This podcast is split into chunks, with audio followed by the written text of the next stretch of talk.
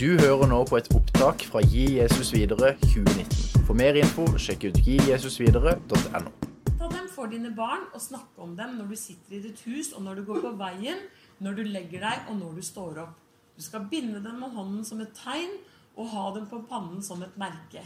Du skal skrive dem på dørstolpen i huset ditt og på portene dine. Det er veldig bra direksjon for trosopplæring og for Jesus hele livet, tenker jeg da. Og det skal vi ha litt sånn i bakhodet når vi skal jobbe med barn og ungdom. At et av de viktigste prinsippene Du skal gjenta dem for dine barn. Du skal gjenta det. Du skal være i det. Du skal leve i det. Du skal aldri være redd for at noe kommer om igjen av dette som vi lærer barna om prinsippene i Guds rike. Du skal gjenta det for dine barn. Du skal snakke om det når du sitter i huset. Og huset, det kan være huset hjemme, det kan være familien, det kan være kirka. Det er huset og på veien, og når du legger deg, når du står opp. Tenk om det kunne bli en sånn naturlig del av oss at dette bare er der. Da trenger vi faktisk ikke å gå rundt med han store Jesus engang. Da kan vi bare ha den lille Jesus med oss hele tiden, og vi liksom lyser av det. Yes.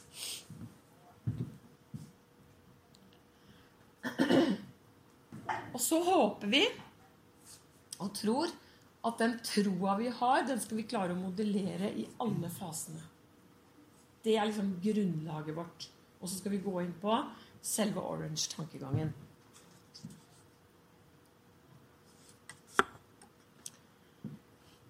Det starta for min del i 2013.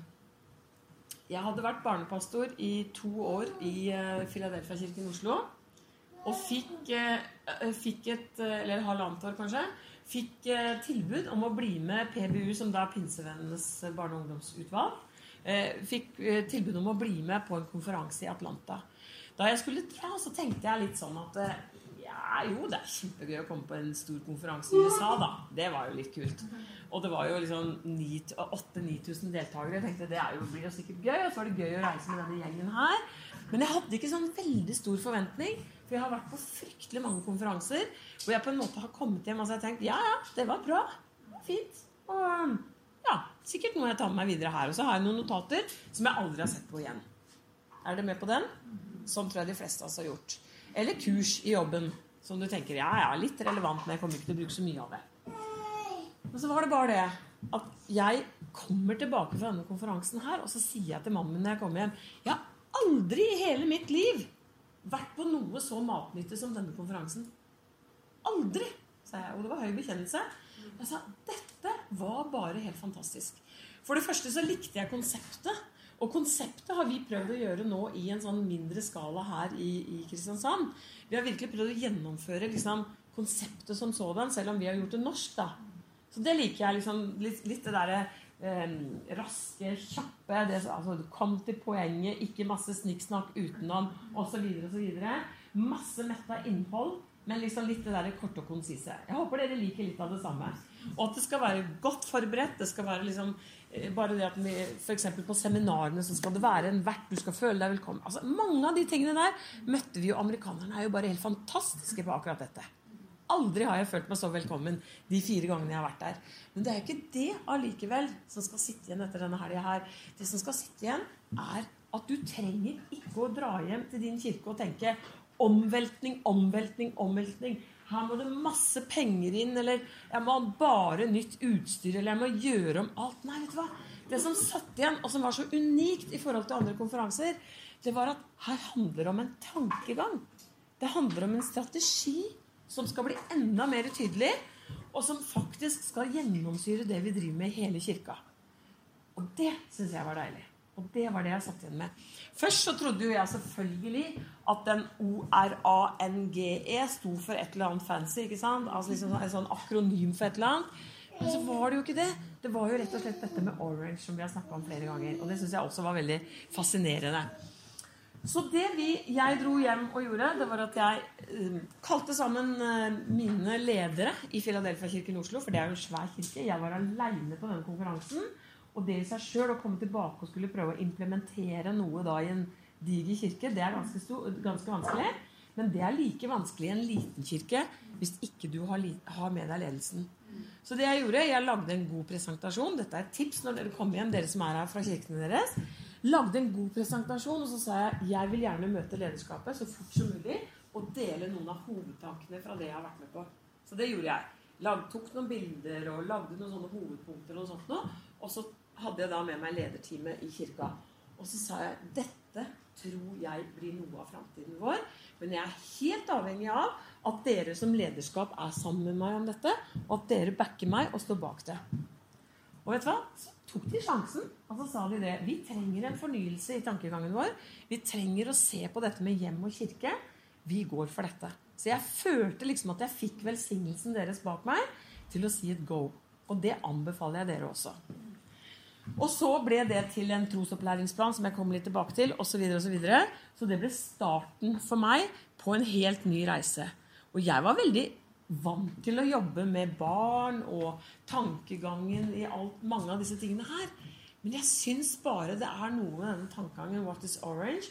Um, som, er, som er skjellsettende, som forandrer litt innstillingen til hva som er viktig. Jeg bare tok den siden der, for det er en god side. Whatisorange.org, eller thinkorange.com. Det er mange sånne orange-sider. De har mange gode sider. Du kan eh, gjerne gå inn og følge noen av de sidene der og få masse gode tips til det du driver med. Både store og små kirker. Men det det egentlig da handla om, det var jo dette. Det er så enkelt som dette. Og det er rett og slett en strategi. Det er ikke masse flotte verktøy. De har det også. Du kan kjøpe et fullt opplegg for barne- og ungdomsopplegget ditt. Men det er ikke det som er det viktigste. Det er tankegangen og strategien som er viktig. Og det er her vi må gjøre et grunnarbeid før vi går inn på noe som har med verktøy å gjøre. For først så må vi bestemme oss for hva er det vi vil. Og da er det det viktigste som vi vil. Altså Hvis du ikke kommer hjem med noe annet da, fra denne konferansen enn hva Orange er, så er det i hvert fall at hjem og kirke må jobbe sammen. Og så sier, Hvis du hadde hørt Dan Scott, han sa det for så vidt i går kveld også, så sier han det at kirken er lyset i verden, og familien er der hvor det er kjærligheten. Og så er det ikke alltid sånn, det vet vi. Det er ikke alltid kjærligheten er i hjemmet. Det er masse kjærlighet i kirka òg. Og jeg tror at hjemmet også kan være lys. Men sammen så blir disse to fargene oransje. Og det jeg synes er så kult, det er at ikke kirka ble rød, og hjemmet ble gult. Fordi det er nemlig sånn at du må ha litt kirke, men det er mest hjem. For det er der barn og unge er mest. Det er det ingen tvil om. Vi lager en norsk variant av denne her, så jeg kan jo ta den, da. Skal vi se. Jeg lånte bort klikkeren min i dag, men det skulle jeg visst ikke gjort. Nå vil den ikke, nå har den låst seg helt der, så han vil ikke videre.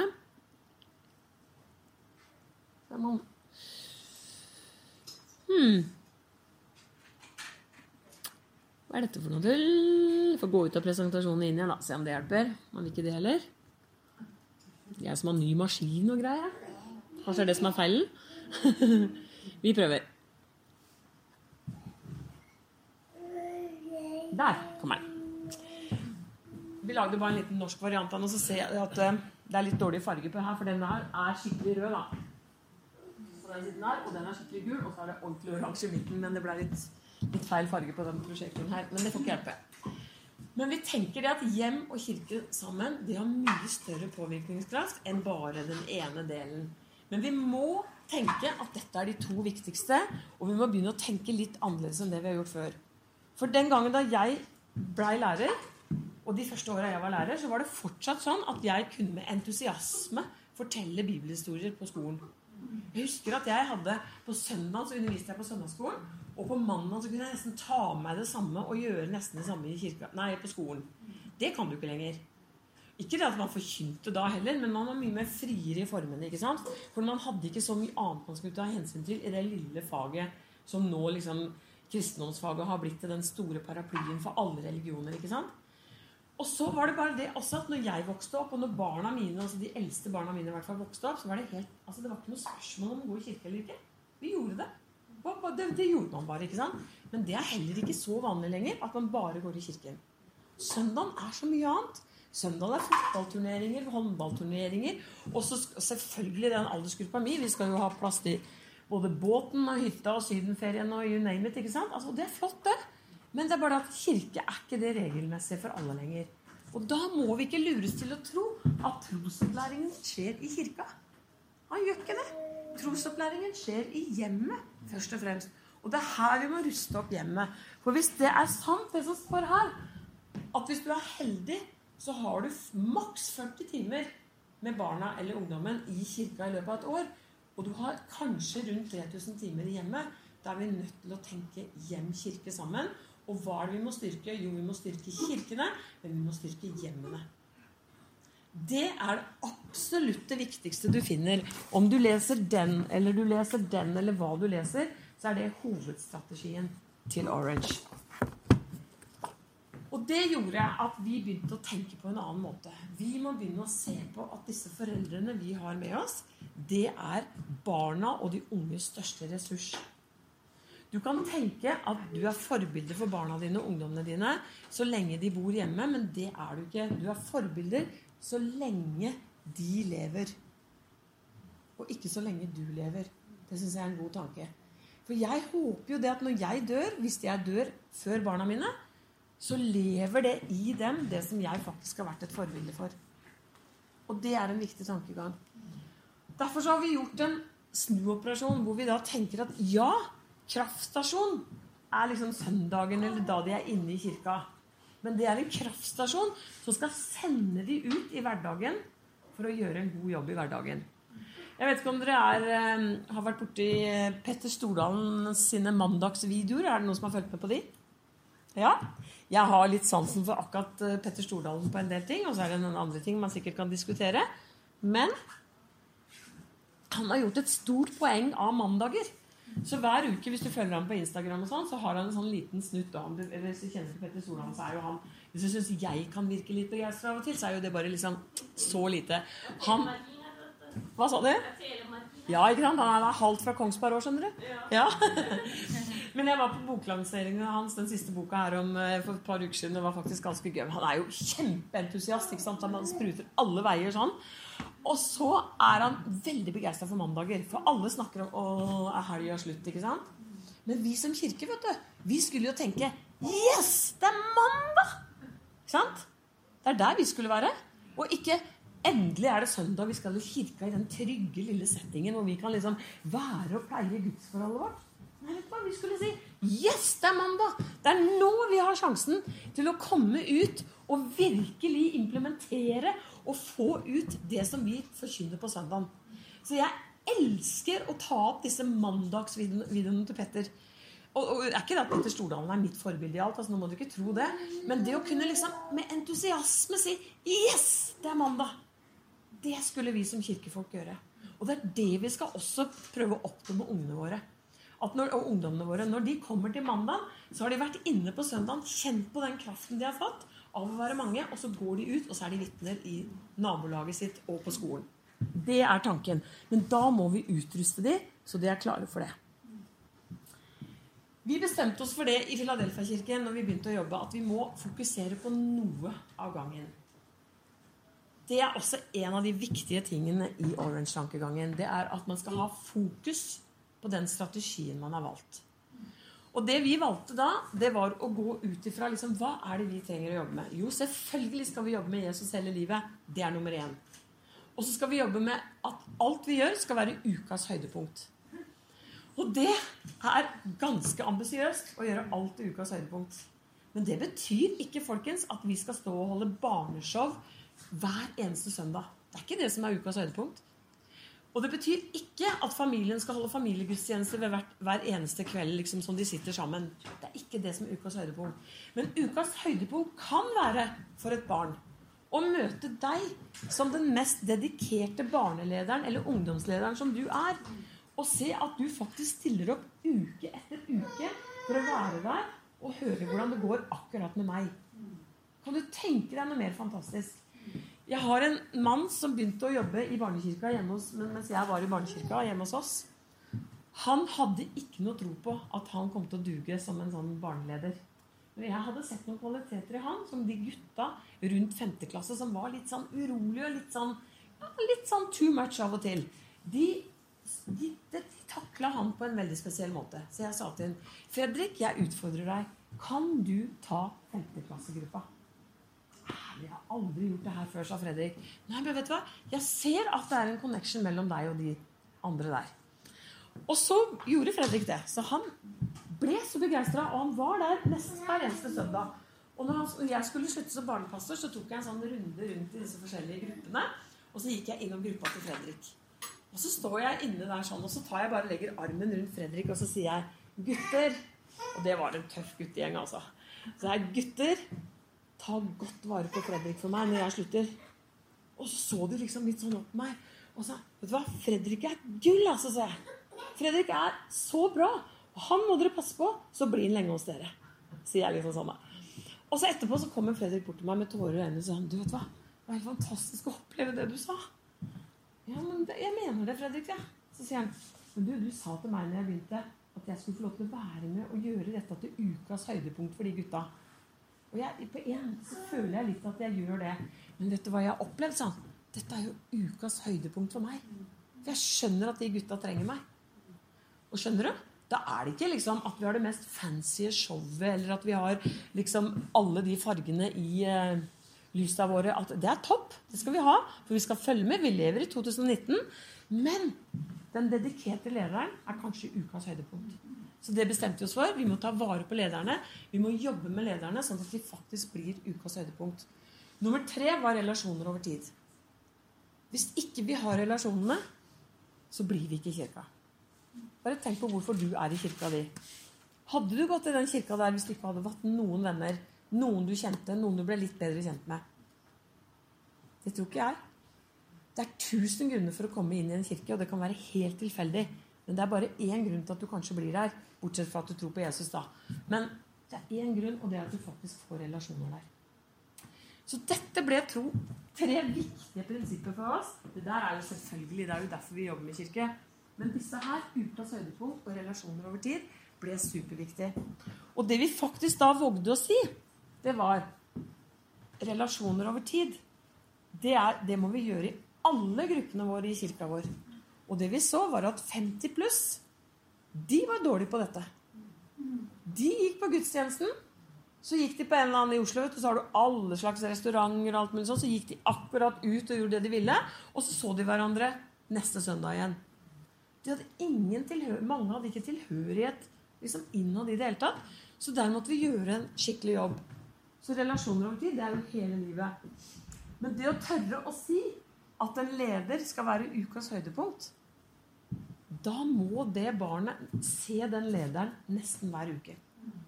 Så når jeg var i Orange første gangen, så hadde jeg en sånn, har, hver gang så har vi hatt en sånn en, um, omviser i en kirke der.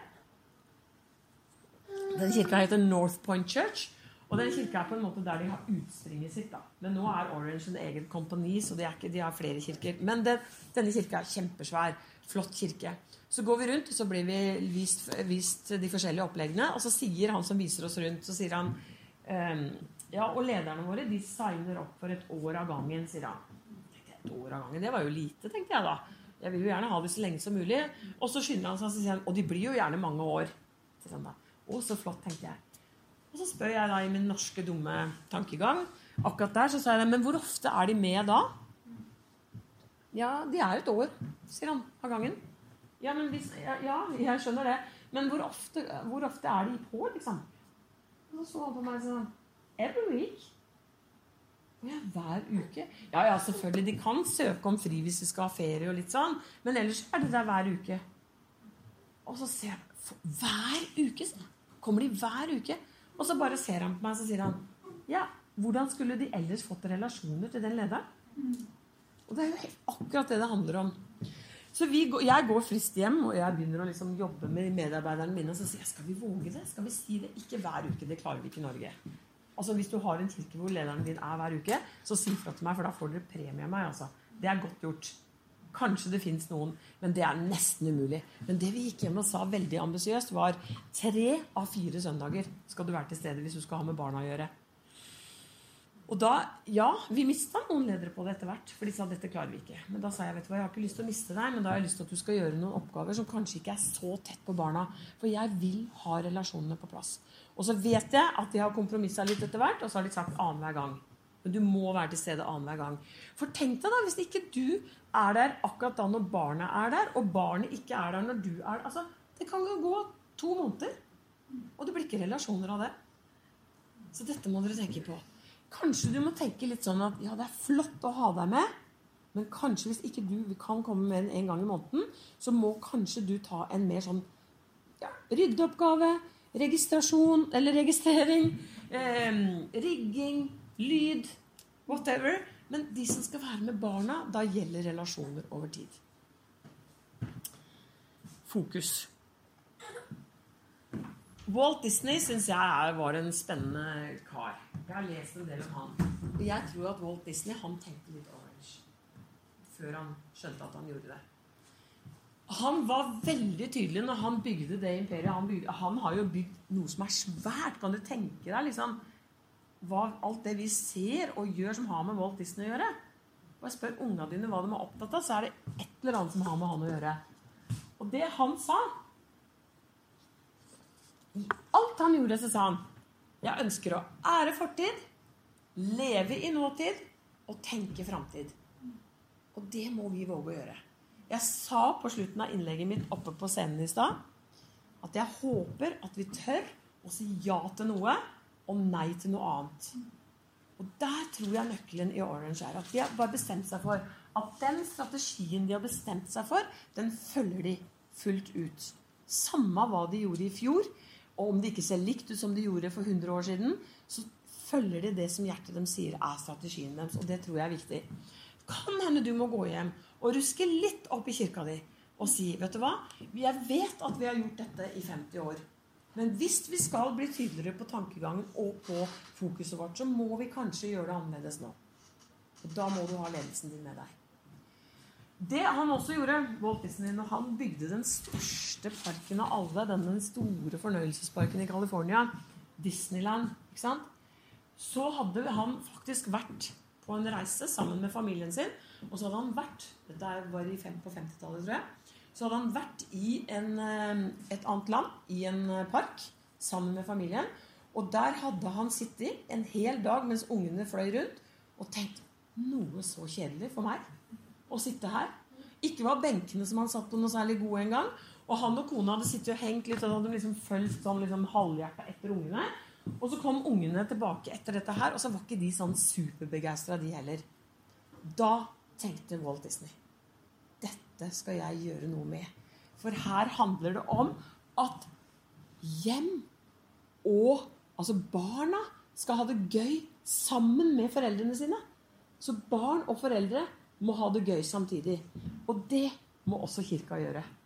Både barna og foreldrene må trives sammen i kirka.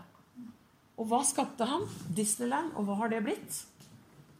Vet du hva? Vi har så mye muligheter i kirkene våre. Dere aner det bare ikke. Ære fortida, leve i nåtida, men tenke framover. Dette førte til en systematikk hos oss som vi kalte for Jesus hele livet. Denne trosopplæringsplanen. Jeg skal ikke bruke mye tid på det, for du kommer kanskje fra en forsamling eller fra en organisasjon som har ditt. Misjonskirken har laga sitt, Frikirken har laga sitt, og det skal vi gjøre. Det er fint. Men det er bygd på samme tankegang. Det er gøy. Jeg syns det er så gøy med denne konferansen at vi faktisk kan enes om dette. Altså Det handler ikke om hvilket syn vi har på ditten og datten. Vi tror at skal vi bygge kirke, så er det menigheten som skal være på den ene siden av kirken, og så er det familien sammen. Det er vi enige om. Og så greit er det at jeg tror ikke det er veldig mye i disse planene her som er så ulikt annet enn at det kan vi bruke. Men prinsippene her handler om at vi må ha en bok for ledere som er lettlest og god å ta i handa, og som du lett kan sette deg inn i. Og så må foreldrene ha fasetenkningen inne. Null til to år, tre til fem år, første til fjerde klasse osv. osv. oppover. Sånn har vi delt den opp. Og det som er viktig Hvilken plan du enn måtte følge Du må ikke føle at liksom, å, det er bare denne planen her som gjelder. Det er ikke det jeg sier nå. Men det må være en pedagogisk og systematisk plan. Vi skal ikke være noe dårligere enn skolen, dere. Skal vi det? Nei. Vi skal klare å konkurrere med skolen. Vi vet at på dette her. Det skal være like gøy å komme på søndag som det er mange syns det er kjedelig å komme på skolen. Da. Men vi skal gjøre det enda mer spennende å komme på søndag eller på onsdag eller hva dere måtte ha. En pedagogisk og en systematisk plan som skal vekke og styrke den kristne tro. Og så skal det være en sammenheng 0 til 19 år. Vi må slutte å tenke at her har vi barnearbeidet, der har vi ungdomsarbeidet. I denne tankegangen så handler det om en sammenhengende tro som skal utvikles mellom 0 til 19 år. Og når du da er 19 år, så skal du på en måte stå litt på egne ben, for da skal du ut i livet på egen hånd. Målet er selvfølgelig Jesus selv livet, og så er det samarbeid mellom hjem og kirke. Og hvis du har dette som en sånn der bakteppe når du bygger kirka di med barn- og ungdomsarbeidet, da står du på ganske trygg grunn. Noen av de prinsippene som vi bygde på, var typiske prinsipper fra Orange-tankegangen. Det er tre hovedting som man skal gjøre bedre i kirka. Håper du får tak i disse. Du skal gjøre kirka bedre. Du skal gjøre hjemmene bedre, hjelpe å gjøre hjemmene bedre. Og så skal du tenke smågruppene skal bli bedre. Hvor er det relasjonene skjer først og fremst? I smågruppene. Ikke sant? Så de må styrkes. Og det ser vi i Filadelfia-kirken, at ved å tenke smågrupper, så har det skjedd noe. Det blir mye mer seriøse på at smågruppene skal fungere. Og det ser vi i kirka ellers også. At de som har mest tilhørighet hos oss, det er de som er i et småfellesskap. Jeg vet ikke hvordan din kirke er organisert, men hos oss er det i hvert fall sånn. Og da er det sånn at Vi tenker på at vi, vi på en måte tror på tre fellesskap. Eller vi tror først og fremst på Jesus, da. Men utenom det så tror vi på tre viktige fellesskap for at du skal bli i en kirke og bli hos Jesus. Det er storfellesskapet, som stort sett er på søndagene. Så er det småfellesskapene, som er kanskje én gang i uka eller annenhver uke. Og så er det tjenestefellesskapet. Det å gjøre tjeneste i kirka sammen.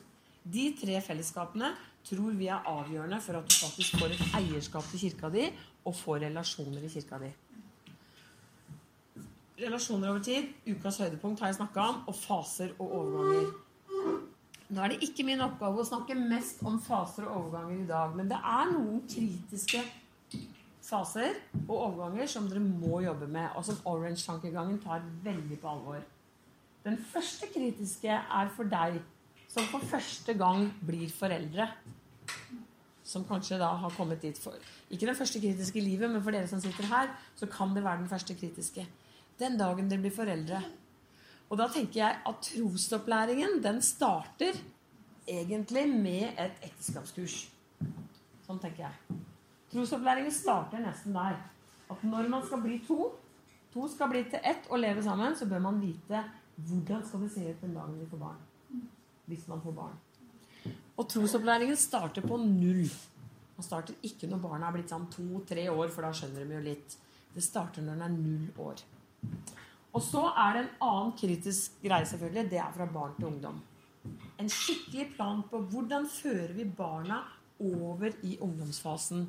Jo, det gjør vi ved at det er et tett samarbeid mellom barnearbeidere og ungdomsarbeidere. Så Derfor så skapte vi det som heter 019, som jeg kommer tilbake til litt senere. En annen kritisk fase som vi har sett, det er etter konfirmanttiden. Konfirmasjonstiden er helt topp. Da har man det gøy, og da er det liksom om å gjøre å bli ferdig, få masse gaver osv. Så, videre, så, videre.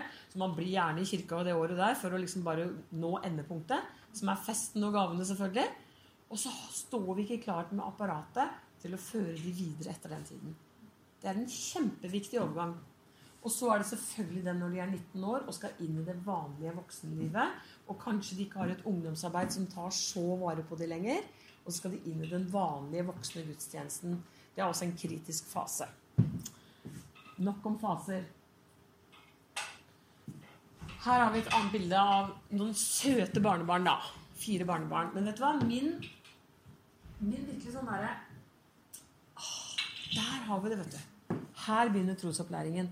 Den kom Jeg har jo vært bevisst for så vidt ganske bevisst med ungene mine også. Men den kom når Jen Malaika, den eldste der som sitter der, som nå er syv og et halvt år, når hun ble født, så skulle jeg passe henne aleine for første gang når hun var kanskje sånn to-tre måneder. da, Uten denne her puppen til mammaen. ikke sant, Så var det ganske scary å skulle ha henne aleine. Første barnebarn. Det var lenge siden jeg hadde hatt barn sjøl. Og så gikk jeg hjemme, og så skreik hun hele tida. Og hun hadde ikke begynt med flaske. eller noe sånt. Og jeg var så fortvila. Og jeg gikk rundt med ungen i armene mine, og så begynte jeg å synge. Jeg er veldig glad i å synge, så jeg gikk rundt og sang og sang og sang. Og jeg sang 'Bæ, bæ, lille lam', og jeg sang alt mulig. ikke sant? Og så tenkte jeg vet du hva, jeg får synge velsignelsen. Og så begynte jeg å synge på 'Herren velsigne deg og bevare deg' og gi deg fred, fred, fred. Når jeg synger den to-tre ganger, så sovna jeg gjennom alle jævlene mine. Og så står jeg der med ungene og tenker jeg Vigdis, du som snakker så mye om trosopplæring. Dette er trosopplæring. Dette er trosopplæring. Og så tenkte jeg vi må gjøre det enkelt for foreldrene å skjønne hva trosopplæring er. Og det som har skjedd, er at hver gang jeg legger de, så er det den sangen som er i høysetet. For det er den de har hørt fra begynnelsen av. Det er den farmor synger.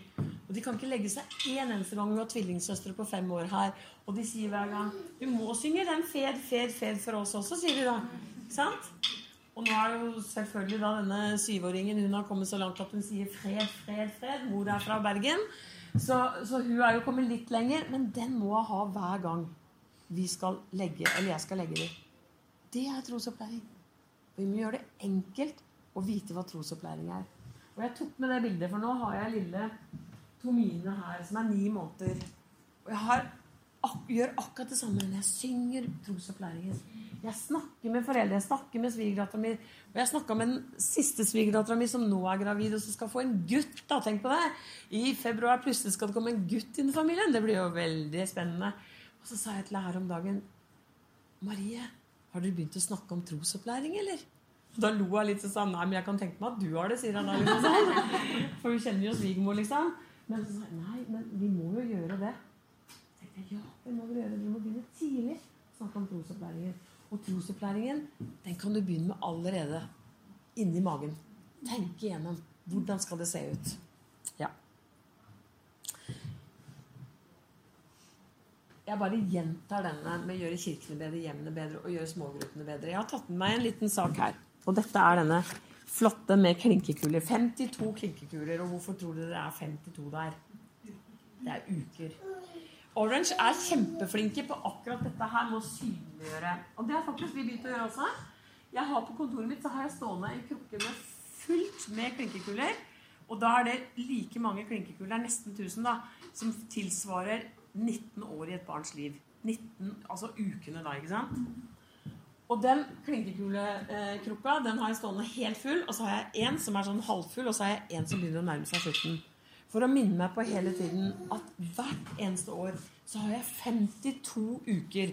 Unike muligheter til å ta opp en sånn kule hver dag og si, eller hver uke og si Yes, sånn ser denne uka ut denne uka skal jeg gjøre det beste jeg kan for de barna jeg leder. For de barna jeg har i familien min, osv. Så, videre, og så, videre. så denne kjøpte jeg med til barnelederne når jeg var på Orange. For at de skulle minnes hver uke på at du er viktig for det du gjør for de barna i den kirka du jobber i. Og jeg tror at vi må begynne å synliggjøre litt mer for oss og bli mer bevisst på at vi begynner med mange uker. Det minker nedover. Men hvis du gjør det beste ut av den tida du har nå, akkurat nå, da er det stor sjanse for at det holder etter 19 år også. Og alt du gjør over tid, får konsekvenser. Alt du gjør over tid, får konsekvenser. Tenk deg vanene, da, dere. Tenk deg vanene dine. Hvor mange ganger skal til for at du får en vane? Det er faktisk ikke så fryktelig mange ganger før ting blir en vane. Og alt vi gjør over tid som blir en vane, er viktig. Tilhørighet over tid. Tid over tid. Ord over tid. Opplevelser over tid. Moro over tid. Alt dette skaper noe i et menneske og i et barn. Og så har jeg ingen tvil om at dette er den vi må jobbe med først. Og den bestemte vi oss for. Den skal vi jobbe aller mest med. Og enda dette nå er mange år siden vi begynte med, så er det kanskje høyest oppe enda. Relasjoner over tid. Og hvis du ikke klarer å tenke at du skal hjem og implementere så fryktelig mye annet, så tenk at jeg begynner der, da. Hvordan kan vi bli enda mer relasjonsmenighet? Hvordan kan vi binde relasjoner sammen i generasjoner, men også i aldersgrupper? Og så tenker du kanskje nå at nei, vet du hva, dette er litt vidløftig. I min kirke så snakker vi ikke om å dele det opp liksom i null til to år, tre til fem år. Jeg har jo knapt nok en leder til hele gjengen, liksom. Men da må du tenke bare at det, det er et kjempespenn å drive en barnekirke fra null år og til 7. klasse. Det er jo det.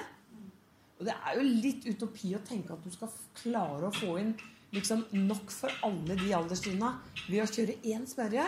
Da må du kanskje tenke litt kreativt og tenke at det, ok, hvis de ikke har noe annet valg, så må jeg ta halvparten av tida for halve gruppa og halvparten av tida for den andre gruppa.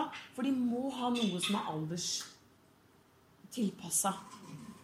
Jeg kan snakke med mange gode ideer på hvordan man kan gjøre akkurat det. Men ikke, ikke tenk at du kan ha alltid én smørje, og at det blir like bra.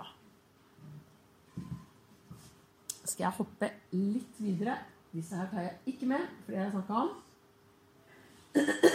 Martine var en av de som jeg hadde i gruppa mi. Det var Martine Ungdom. Det, på den tiden her så var hun ti år. Og når det gikk opp for meg at når hun var ti år Hun har vært i kirka fra hun var baby.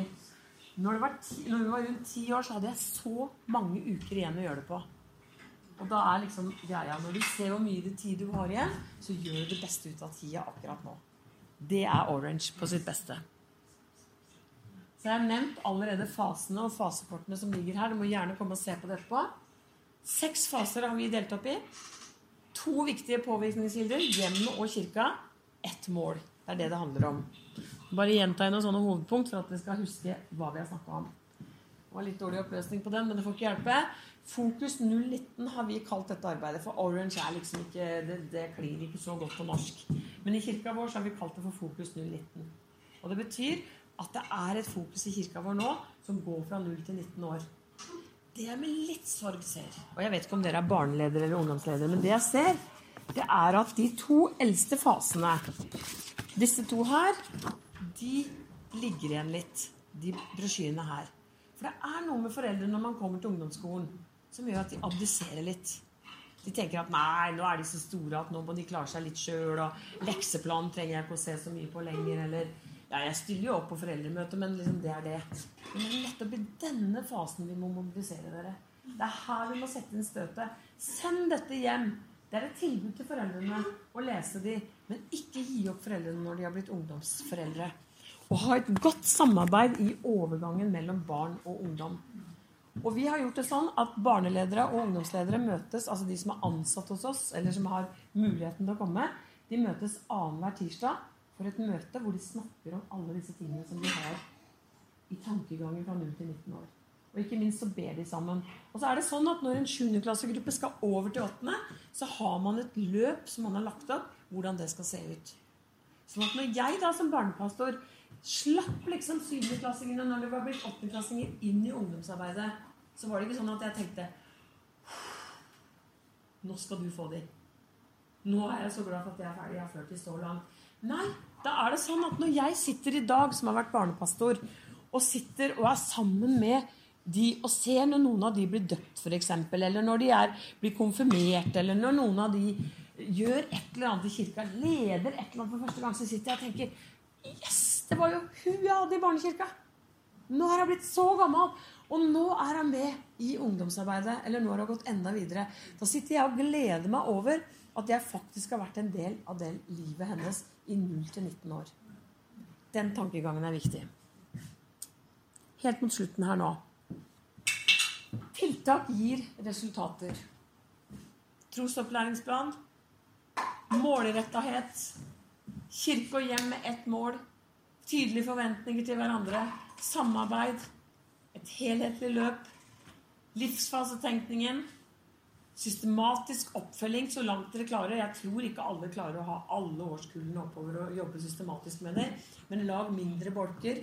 Ikke tenk et altfor stort spenn. Se den enkelte. Utvikle og oppfølge lederne. Vet du hva? Når vi slipper unge ledere inn i lederskap, så må vi ikke bare tenke at ja, her har du gruppa di. Da må du tenke hvor er mentoren som skal gå ved siden av? Og der er Orange-folka utrolig flinke til å lære opp og følge. Vise tillit, men å følge og være tett på. Relasjoner over tid. Og så skal du se at det vokser over tid. Lær den unge den veien han skal gå. Så forlater han den ikke når han blir gammel, står det i ordspråkene til 22.6. Og jeg synes det, det, det høyre bildet der borte er et av yndlingsbildene mine. For tenk deg liksom hva han har å strekke seg etter. Her er hele livet foran, og det skal vi forfølge. I hvert fall til de er 19 år. Da har jeg lyst til å høre om det er noen dere har lyst til å spørre om. Kjør på. sitter du her og tenker Jeg har enda ikke liksom helt fått inn dette. Hva er denne tankegangen? Så kjør på og spør.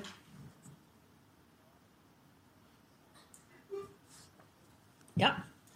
Som konkret, hva, når du sier små grupper for barn, Ja. hva, hva tenker Ja. Veldig godt spørsmål. I vår kirke i Filadelfia-kirken i Oslo så bor folk veldig langt fra hverandre. De bor veldig spredt. Så vi har sagt at det er nesten håpløst at de skal kjøre rundt og liksom lage grupper i løpet av en uke. Så smågruppene for barna hos oss, det er gruppene på søndagene. Og da har vi delt opp kirketida, liksom, eller barnekirketida i tre liksom, hovedbolker, på en måte. Det er, først så er de oppe litt i gudstjenesten sammen med resten av kirka under lovsang og litt sånn. Og så går de ned, og så, halv, eh, så bytter vi på da etter grupper. Noen har da gudstjeneste i barnegudstjeneste, mens de andre da har smågrupper. Og det er smågruppene. Og så bytter de halvveis, og så har de andre gudstjenester. Altså vi har sånn første til fjerde, femte til sjuende osv. Og da har vi tenkt at den smågruppa der, det er liksom smågruppa deres. Og da har vi tenkt at det er relasjonsbyggende først og fremst. Det er ikke en sånn derre Å ja, nå går vi inn i smågruppene, og så forteller vi historien om eh, Sakkeus en gang til. Den har de fått i gudstjenesten. Så i smågruppene så er det relasjonsbyggende tiltak. Det er smågrupper for de. Ungdommene våre de har noe som heter life-grupper. De møtes utenfor. For ungdommer er mye mer mobile på egen hånd, og der må ikke foreldrene kjøre rundt på samme måten. Så de har life-grupper. Enten har de noen av de har de rett før ungdomsoppleggene på fredagen, og noen har det de andre dager i uka. Men andre kirker vet jeg med fordel kan klare å liksom lage sånne barnegrupper i løpet av uka også, og ha de hjemme. Og det kan jo også være en måte å gjøre små grupper på. Noen familier hos oss har valgt å danne familiesmåfellesskap. Og det er også ganske spennende. Det de gjør da, de møtes på søndagene. Etter gudstjenesten så gjør de noe sammen som familiefellesskap. Og så møtes disse foreldrene av og til aleine. Men de har med seg familien mange av gangene. Så det med smågrupper, altså det er bare fantasien som hindrer dere der. Det kan gjøres på mange forskjellige måter. Hvor mange er det ideelt sett i en sånn smågruppe? Eller hvor mange blir for mye? Er kanskje spørsmålet. Ja, og det er jo også et veldig godt spørsmål, for det handler jo veldig om hvor mange du har. Vi har jo veldig mange, så en smågruppe kan fort bli liksom 20 førsteklassinger hos oss, da. Ja, så noen ganger så har vi delt igjen i, i gutt- og jentegruppe. I hvert fall hvis det er en veldig sånn eh, ene gruppa er veldig sånn tar over den andre. Og da, noen ganger så har vi opplevd at noen guttegrupper, da, ikke til å forkleinelse for noen av gutta her, men noen av guttegruppene, hvis de er litt store, så tar de litt over for jentene, så jentene forsvinner litt. Og da har vi valgt å dele det litt sånn. Og da kan hende vi f.eks. har tatt første og andre gutter sammen og første og andre klasse jenter sammen. Og du må nesten bare kjenne litt på gruppa di. Men eh, det er klart at 20 stykker i en gruppe er mange. Men det handler jo om leder og kapasitet, da. Det er altfor mange. Så jeg ville jo sagt at det ideelle er jo sånn åtte Rundt åtte stykker. Ja. Hva er forskjellen på deres tankegang og Hana sin. Jeg tror det er veldig mye likt. Eh, og jeg tror at Orange og Havana går veldig mye hånd i hånd. Jeg har studert Havana litt nå i det siste. Eh, og det tror jeg ikke det er mye som skiller i det hele tatt. Nei. Det er to forskjellige redskap. Men i USA så tror jeg hvis du hadde snakka med Havana og snakka med Orange, så ville de sagt at de har veldig mye av den samme strategien. Mm. Ja. Ja, det er tilgjengelig i form av at du kan ikke få det liksom med deg her og nå. Du kan komme på kurs, og så kan du velge å bli en del av det. For det vi har sagt, er at det har vært altfor mange sånne at man bare liksom Ja, du, du skal ikke prøve dette, liksom. Og så ligger du og slenger rundt omkring. Men vi har faktisk en tankegang bak det, og hvordan det skal brukes. Så vi ønsker at de som skal bruke det, blir lært opp i det. Ja. Eller det er hele pinsebevegelsen. Så oppe på PBU-standen så kan du få vite mer om det hvis du er interessert i det. Mm. Så var det en han til. Der, ja. Jeg jobber med ungdommer, eh, og så lurer jeg på hvordan kan det der å jobbe mot hjemmet, hvordan kan det se ut i et Ja. Hva kan vi gjøre liksom, for å styrke hjemmet? Du, det er så flott at du spør om. Det har vært mitt hjertebarn i lange tider. Og jeg vet at jeg var på ryggen til ungdomspastoren veldig ofte på akkurat dette. For han var ganske ung sjøl. Og hadde ikke den der eh, erfaringen som jeg hadde som lærer, hvor viktig det er å holde kontakten med foreldrene. Så jeg drev og maste på han hele tiden så når han skulle ha et eller annet opplegg. Så jeg har du informert foreldrene? Nei, det har jeg ikke gjort. Jeg, altså, det står på Facebook og det står på Insta. Sånn. Ja, men hallo, du må ikke miste kontakten med foreldrene. Og da var jeg liksom der at liksom, send det til de òg. Og ansvarliggjør det. Hold foreldremøter. Selv for ungdomsskoleforeldrene. Og det, det har de begynt å gjøre. De har selvfølgelig foreldremøte når du skal være Tentro-elev. Det er sånn, eller eh, Konfirmasjonsopplegget vårt heter Tentro, da. Eh, og det er helt naturlig. Det har man hatt lenge. liksom. Men når det ikke er Tentro lenger, tiendeklasseforeldrene, ta samle de og snakk med de. Hva nå? Hvordan skal vi sammen få disse ungene til å bli i kirka? liksom, Eller bli hos Jesus, da, først og fremst. Så ikke vær redd for å liksom samle de foreldrene. Om du er ung sjøl, så det viser bare at du har en tankegang, du har en strategi. Har, det er en kvalitetssikring. Og hvis du da har for eksempel, sånn som vi da har, en sånn en brosjyre som du kan også ta med deg altså, Vi har tenkt på hvordan vi kan hjelpe deg som forelder med trosopplæring på en enkel og god måte. Så viser det at du tenker gjennom kvaliteten av det du driver med. Send ut informasjon. Så lenge de er under 18 år, så har du muligheten til det. ikke sant? Og så er det litt med andre regler da etter 18 år. Da må jo barnet selv, eller ungdommen selv samtykke til det, ikke sant? sånn som det er blitt nå. Og det, det skal man ha respekt for. Men hold kontakten med foreldrene. Ikke glipp det. Kall inn til foreldremøter. Fortell. Gi informasjon. Hold de orientert. Og så har jeg sagt at foreldrene vil vi ha med på tre ting. De viktigste tingene. Vi vil ha dem til vakter på ungdomsarrangementene våre. Vi vil ha dem til forbedere. Og vi vil ha dem til å lage mat. Men vi vil ikke ha dem for mye i minglinga. For da er det alltid et eller annet barn som føler at det er litt kleint at mine foreldre skal være så innmari kule inni den gjengen her, liksom. Men de tre tingene der Og du vet, det er ingenting som er mer relasjonsskapende enn det. Når du står og lager mat, og det kommer en ungdom bort og begynner å prate litt, eller Så de tre tingene der. Ah, nå har jeg snakka på innpust og utpust, har jeg følelsen av, men nå er vi, snart, nå er vi egentlig ferdig. ja. Har, fikk dere den dere har fått med dere nettet? Der ligger det noen fasekort. Har du fått det? Nei? Da må du gå opp i registreringa, så skal du få et sånt nett. Der er det gratis eh, disse fasekortene som er lagd på norsk. De er veldig gode. Det, det er en stand med en sånn fasevegg oppå også. Jeg tror de ligger der også. Men der får du det i hvert fall. Mm. Yes. Ta gjerne kontakt etterpå hvis dere vil.